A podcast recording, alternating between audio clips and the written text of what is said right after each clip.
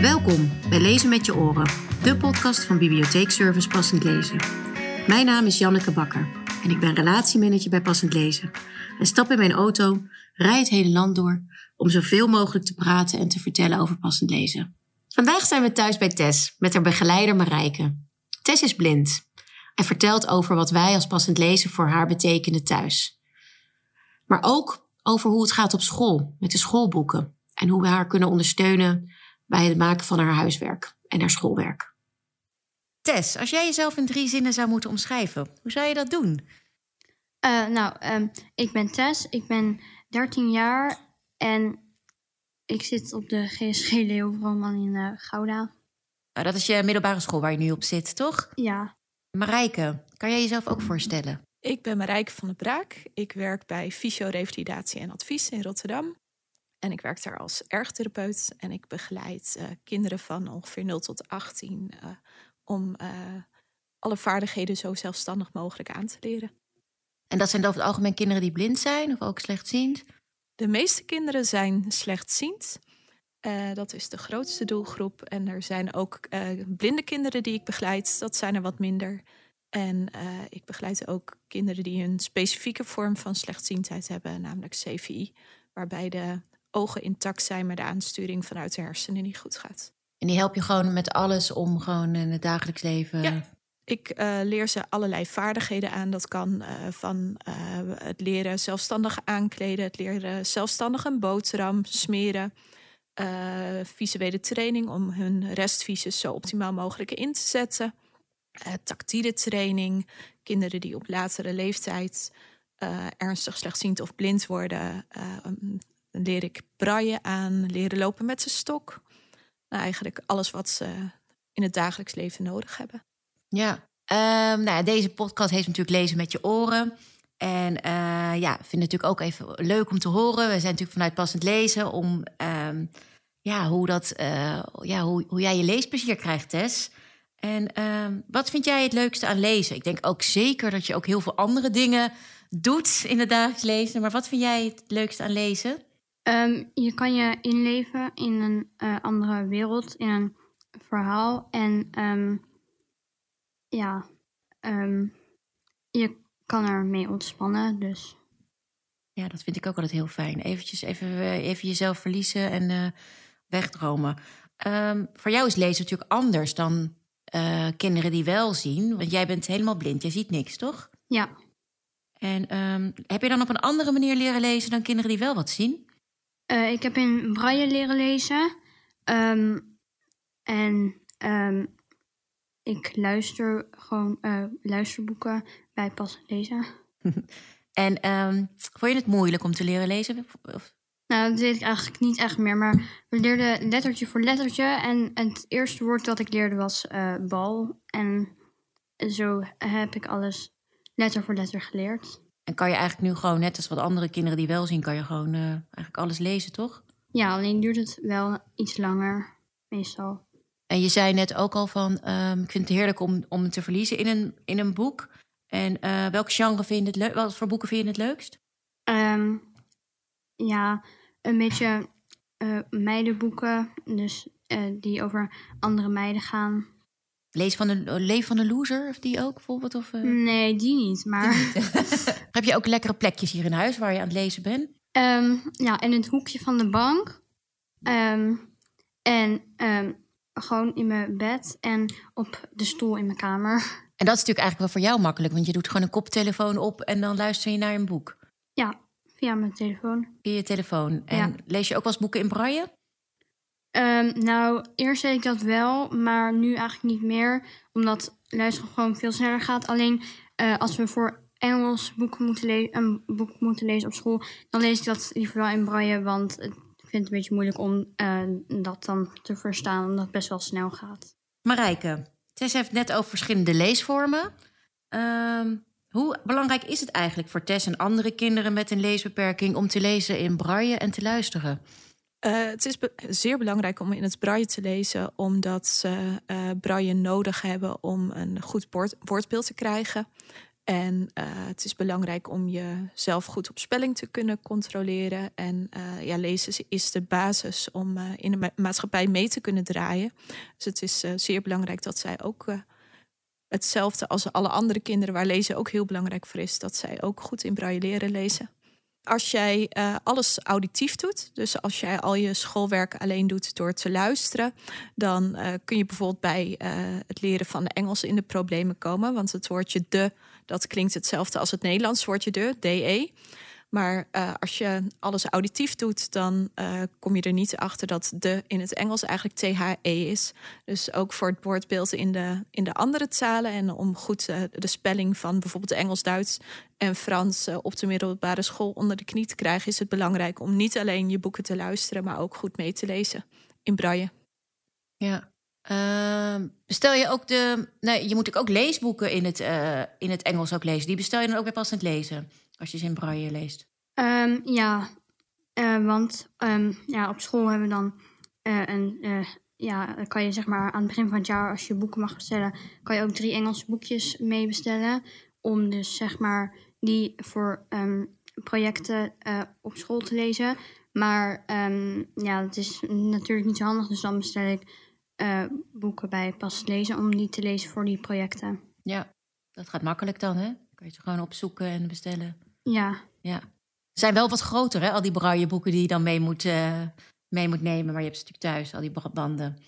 Ja, nou, um, voor school lees ik meestal maar boeken van...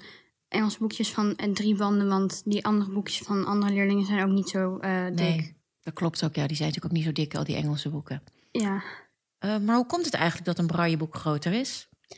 een brailleletter een braille letter is groter dan één letter in zwart schrift. Neemt dus meer, uh, één braille letter neemt dus meer ruimte in dan één letter in zwart schrift. Omdat een braille cel dus ook groter is. Oh, en een braille cel, dat is, dat is eigenlijk een ander woord eigenlijk voor... De zes puntjes waar een combinatie van verschillende puntjes um, één letter kan vormen. Oké, ja, en als dat natuurlijk groter is en dat je het doortelt, dan zijn natuurlijk brailleboeken veel groter. Ja. Klinkt logisch. Marijke, kun je ons meer vertellen over de ondersteuning die je biedt bij Tess? Ja, dat kan ik. Ik heb uh, met Tess al heel veel dingen gedaan. Ik heb haar vanaf groep 3 begeleid. Zij heeft uh, stoklooples uh, van mij gehad en heeft uh, een stokloopexamen moeten doen. Ehm, wij hebben typvaardigheden aangeleerd. Zij kan blind typen. En computervaardigheden, zij kan de computer kan zij volledig blind bedienen en kan daardoor al haar boeken op de computer lezen en haar schoolwerk gewoon net als alle andere kinderen doen.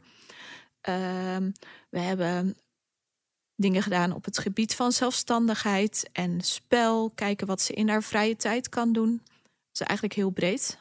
En dan ga je gewoon met haar mee naar school en dan help je er op school. Uh... Um, dat is net waar de vraag is. Dus uh, uh, typvaardigheden hebben bijvoorbeeld op school gedaan, omdat uh, dat dingen zijn die andere kinderen ook. Uh, het, het, schrijven leren ze ook op school, dus het typen mocht zij ook onder schooltijd doen. Maar als er een vraag is in de thuissituatie, kan ik die ook in de thuissituatie oppakken. En ehm, de andere kinderen waren bezig met hun verkeersexamen. Dus Tess mocht in plaats van het verkeersexamen, mocht zij met mij stoklopen om haar stokloopexamen te doen. Net als bij de andere kinderen is het verkeerslub-examen uh, is verplicht. Dus voor Tess was uh, het stoklopen-examen een uh, verplicht onderdeel... waar ze niet altijd van genoten heeft. Maar nou ja, wij vonden het wel erg belangrijk dat zij alle vaardigheden ging leren. En dat vond je eigenlijk helemaal niet leuk, denk ik. Nee. Nee, kan ik me heel goed voorstellen. En want dan vraag ik me eigenlijk af, want we hebben bij Passend Lezen ook reliefkaarten. gebruik je dat ook wel eens, Tess, of niet? Um, ja, ik um, heb uh, vooral vroeger wel. Um, dan bestelde mijn oppas, die bestelde allemaal uh, dingen die ze uh, tegenkwam. Van waar ik op dat moment veel geïnteresseerd in was. Of waar ik op dat moment veel nou, het over had en zo. Of waar ik dan boeken over had geluisterd. Daar bestelde ze dan ook soms gewoon kaarten van met nou, bijvoorbeeld het, het Tweede Kamergebouw erop. En ik heb ook een uh, kaart um, ik, uh, laten maken bij, ik denk pas lezen, ik ja. niet zeker, van uh, Reewijk, het ja. dorp waar ik in woon. Ja. Met um, mm, ja, een paar st straten en dan met een legenda erbij. Zodat ik um, daar ook een beetje een beeld van kreeg. Ja, nee, klopt. Dat, dat kan je dan bij ons bestellen, inderdaad. Dat noemen wij dan maatwerk. En dat maken wij dan voor mensen speciaal. Als je ergens woont, dan eh, heb je een beetje het idee hoe je... Klopt, leuk. In groep drie dan moesten we leren klok kijken. Dus dan hadden we een boek met allemaal klokken erin. En dan ja, moest je zeg maar gewoon zeggen op welke tijd die klok dan stond. En, maar ik vond het altijd wel lastig om die plaatjes dan te herkennen en zo. Ja, dat is toch wel lastig, hè? Dat hoor ik wel vaker, ja. Ja. Marijke, wat zijn eigenlijk de meest voorkomende leesbeperkingen die jij, eh, waar jij tegenkomt in je werk? Nou, de kinderen die ik begeleid, die zijn sowieso allemaal slechtziend of blind. Dus die ehm, hebben moeite met de normale vorm boeken lezen, omdat de boeken te klein zijn of voor de blinde leerlingen niet toegankelijk. Ehm, ik zie ook kinderen die naast hun visuele beperking ook nog eh, bijvoorbeeld dyslexie erbovenop hebben. En eh, ik zie ook kinderen die een verstandelijke beperking hebben, dus die eh, daardoor moeite hebben met lezen. En ook de kinderen die eh, CVI hebben, dus die, eh, waarbij hun ogen in orde zijn, maar de aansturing bij de hersenen, eh, die hebben moeite met lezen, omdat een normaal gangbaar boek de letters te klein zijn of te dicht op elkaar zijn. Ja. En vind je altijd de weg ook bij ons voor die kinderen? Of vinden ze het zelf ook? eh, Ehm, ja, nou, ik wijs vooral mensen hun weg. En eh, ik probeer dat de ouders zelf hun weg vinden bij passend lezen, zodat zij eh, ook als ik eh, hun kinderen niet meer begeleid, zelf hun boeken kunnen bestellen bij passend lezen. En nou, wat ik van de ouders terughoor, is dat ze het nou ja, nog wel eens ingewikkeld vinden om de boeken daar te vinden. maar ehm, als, we, als ze weten hoe het werkt, dan zijn in principe alle boeken die de kinderen zouden willen lezen, zijn eh, aanwezig. Want de, de keuze en de collectie is wel heel ruim. Ja. En ehm, ja, we hebben zo'n grote collectie, dus het is eigenlijk voor alles wel. Er is voor iedereen wel wat bij ons. eh. Eh, je hebt net al een beetje verteld, Tess, maar ehm, voor, voor wat gebruik je eigenlijk passend lezen eigenlijk allemaal? Ehm, op school voor Engels en Nederlands en ehm, eigenlijk ja, dat. Ehm, ehm, en natuurlijk ook in mijn vrije tijd om boeken te luisteren. Marijke, ik weet, eh, je doet natuurlijk niet alleen, er zijn ook AOB'ers die jij helpen. Hoe stimuleer je eigenlijk vanuit Visio het leesplezier bij Tess en andere kinderen? Nou, dat begint eigenlijk al heel jong. Dus eh, als een kindje blind is, eh, om ouders eh, het advies te geven om ook volboekjes te gebruiken. Of om een eh, prentenboekje dat bijvoorbeeld op het kinderdagverblijf of op de peuterspeelzaal wordt gelezen, om dat tastbaar te maken. Dus als het boek gaat over een eendje of een beertje, om dan een, een tastbaar eendje in handen te geven van, eh, van het kindje of eh, een beertje aan te bieden, zodat het boek wat meer gaat leven als de, de plaatjes niet te bekijken zijn. En bij de slechtziende kinderen is het eh, fijn als ze bijvoorbeeld eh, het boek van dichterbij mogen bekijken, dat ze naast de juf mogen zitten.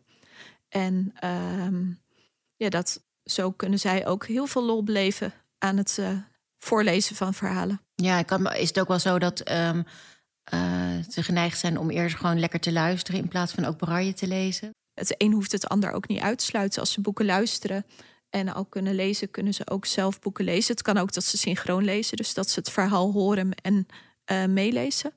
Maar ik denk dat het belangrijkste is dat ze plezier hebben in taal en plezier hebben in het lezen. En in welke vorm dat dat dan is. Dat, eh, nou ja, het is belangrijk dat ze zelf natuurlijk ook hun vaardigheden opdoen in het lezen. Maar als ze te afwisselen met een luisterboek, is dat, eh, is dat ook helemaal prima.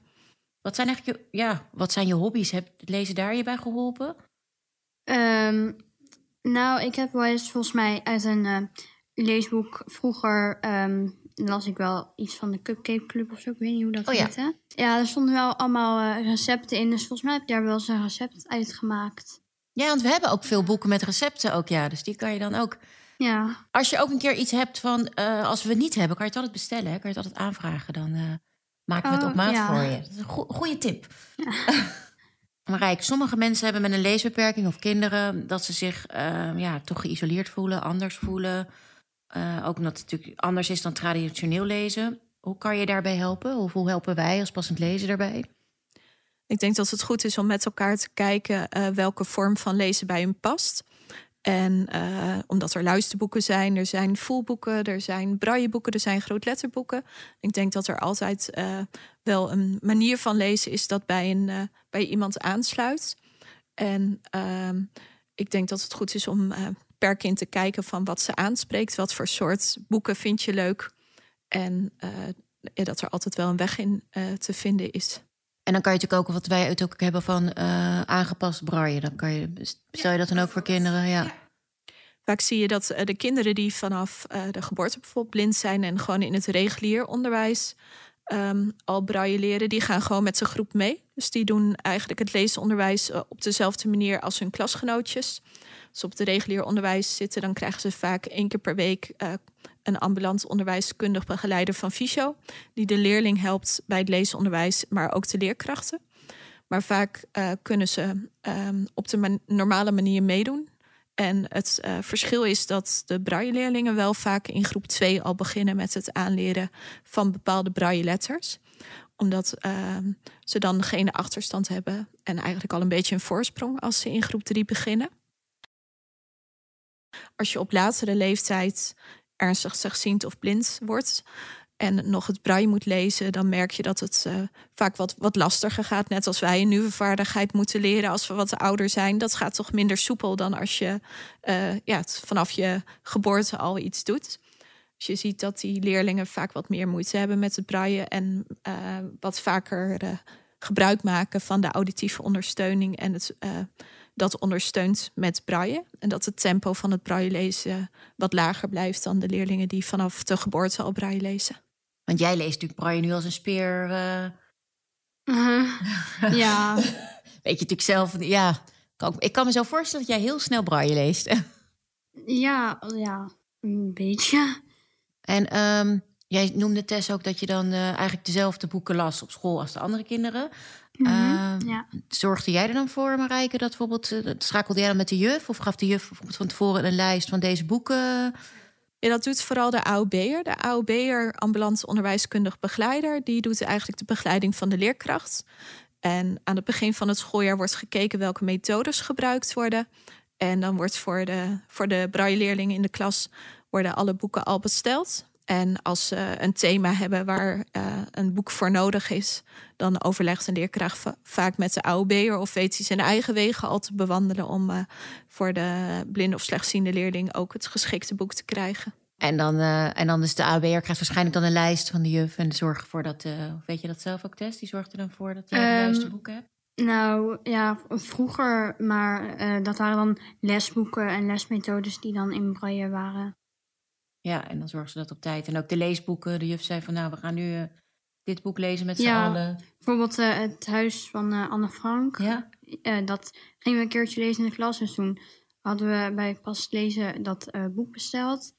Zelf, denk ik, dat we dat toen hadden gedaan. En die neem jij dan mee naar school?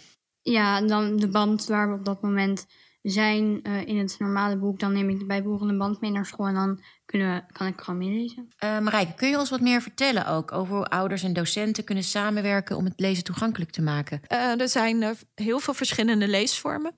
Dus ehm, voor sommige leerlingen die een visuele beperking hebben, is het lezen best wel vermoeiend. En als dan de hele klas een boek moet lezen, dan kan het voor een slechtziende of blinde leerling heel erg fijn zijn om het boek te mogen luisteren. En um, ja, uh, passend lezen heeft natuurlijk de Jumbo-letterboeken. En dat maakt het lezen uh, misschien net wat relaxter. En de, boeken zijn ook in braille te bestellen. Um, soms is het fijn voor een uh, leerling om bijvoorbeeld een boek alvast van tevoren bekeken te hebben buiten de klas. Dus dat als het uh, in de klas besproken wordt, dat ze alvast weten wat er op de plaatje staat en wat er in het boek staat, zodat ze tijdens de les beter kunnen volgen. En uh, dat kan uh, door een, een, losse docent, kan dat al voor de les en buiten de les gedaan worden met met de leerling, zodat ze tijdens de les weten wat ze kunnen verwachten. Nou ja, dat is wel een goede tip inderdaad, om het van tevoren al eventjes te delen en dat samen. Heb jij dat ook wel eens gedaan, Tess? Um, ja, met heel veel verschillende dingen. Er was dan een juf op school en die werkte nou in het begin elke dag met mij. En dan, uh, hoe, uh, ja, hoe ouder ik werd, hoe minder ze met mij ging werken. Maar nog steeds wel elke week. Dus dan uh, gingen we ja, allerlei dingen vooraf oefenen of bespreken. Of um, ja. Ja, dan nam ze het gewoon vooraf met je door. En dan als je dan in de klas met z'n allen zat, dan kon je er makkelijker mee, ja. meedoen. Ja. ja. eh, hoe weet je eigenlijk welke boeken er zijn? Ehm, ja, je kunt zoeken in het eh, zoekveld. Ehm, maar het is dan wel een beetje lastig dat je niet kan filteren. En waar zoek jij dan op? Zoek je dan op het genre, eh, wat je net al zei, van de meidenboeken? Eh, nou, meestal gewoon op een eh, woord of zo. Of een titel die ik ehm, heb gehoord. Of ja. Ehm, heb je nog, ik sluit altijd, altijd de podcast af, of ik stel altijd nog een vraag. Heb je nog een boek van dat je zegt, nou, die heb ik gelezen, die moet je lezen? Ja, eh, Harry Potter. Harry, oh, ik- nou, eens. Ja. Ik, toen ik jong was, lang geleden, heb ik ze ook verslonden. En weet je wat het allerergste is? Mijn kinderen vinden ze niet leuk. Dus ik, ik wil ze nu opnieuw lezen, maar ze willen ze niet. Oh, dat is niet zo... eh, Snap je niet, hè? Ik snap nee. het niet. Nee. Ja. Ehm, heb jij nog een boek, Marijke, waarvan je zegt van nou, die voor de jeugd, die mogen ze niet vergeten? Nou, mijn eh, favoriete boek van vroeger, toen ik zelf jong was, is ehm, van Guus Kuijer, Madelief, met poppen gooien. Oh, oh, die ga ik nog tevoorschijn halen, ja. En dat boek heb ik echt versleten. En ehm, ja, gaat over Madelief die allerlei eh, leuke fantasieën heeft en allemaal dingen doet die dan misschien net even niet zouden mogen van de volwassenen. En ehm, dat boek las ik als kind heel erg graag en vinden mijn kinderen gelukkig nu ook heel erg leuk. En eh, mijn kinderen vinden op dit moment heel erg eh, leuk Juf Braaksel. Ja, Oh ja, dat vond, vond ik vroeger ook heel leuk. ja. Ja. En eh, is nu ook eh, in de bioscoop. Juf Braaksel en de Magische Ring. Dat is een heel spannend boek en dat zou ik zeker aanbevelen. Ja. ja, dat is een goeie. Die heb ik ook voorgelezen. Welke boodschap zou je nog willen uitbrengen naar de luisteraars ehm, over het leesplezier, ongeacht de leesbeperking? Wat je zegt van ja, weet je, vergeet dat niet. Of Ehm, nou, ik denk dat je, ook al heb je een leesbeperking, dat je heel veel plezier kan hebben in het lezen. Door voorgelezen te worden, door lekker zelf boeken te lezen in braille, door boeken te luisteren of eh, door jumbo letterboeken te lezen. En ik denk dat het heel goed mogelijk is, ook als je een leesbeperking hebt, om eh, volledig in een boeken op te gaan en eh, hetzelfde plezier te ervaren als iedereen heeft in het, eh, in het lezen van boeken. ja, zeker. Dankjewel. Bedankt voor het luisteren naar deze podcast. Heb je genoten van wat je hebt gehoord? Laat het ons weten. We zijn altijd benieuwd naar jouw feedback en suggesties voor toekomstige afleveringen. Laat een recensie achter via je favoriete podcast-app of stuur ons een bericht via onze social media. Wil je nog meer lezen met je oren? Abonneer je dan op Lezen met je oren en mis geen enkele aflevering. We hebben namelijk nog veel meer geweldige verhalen en interessante gesprekken in petto.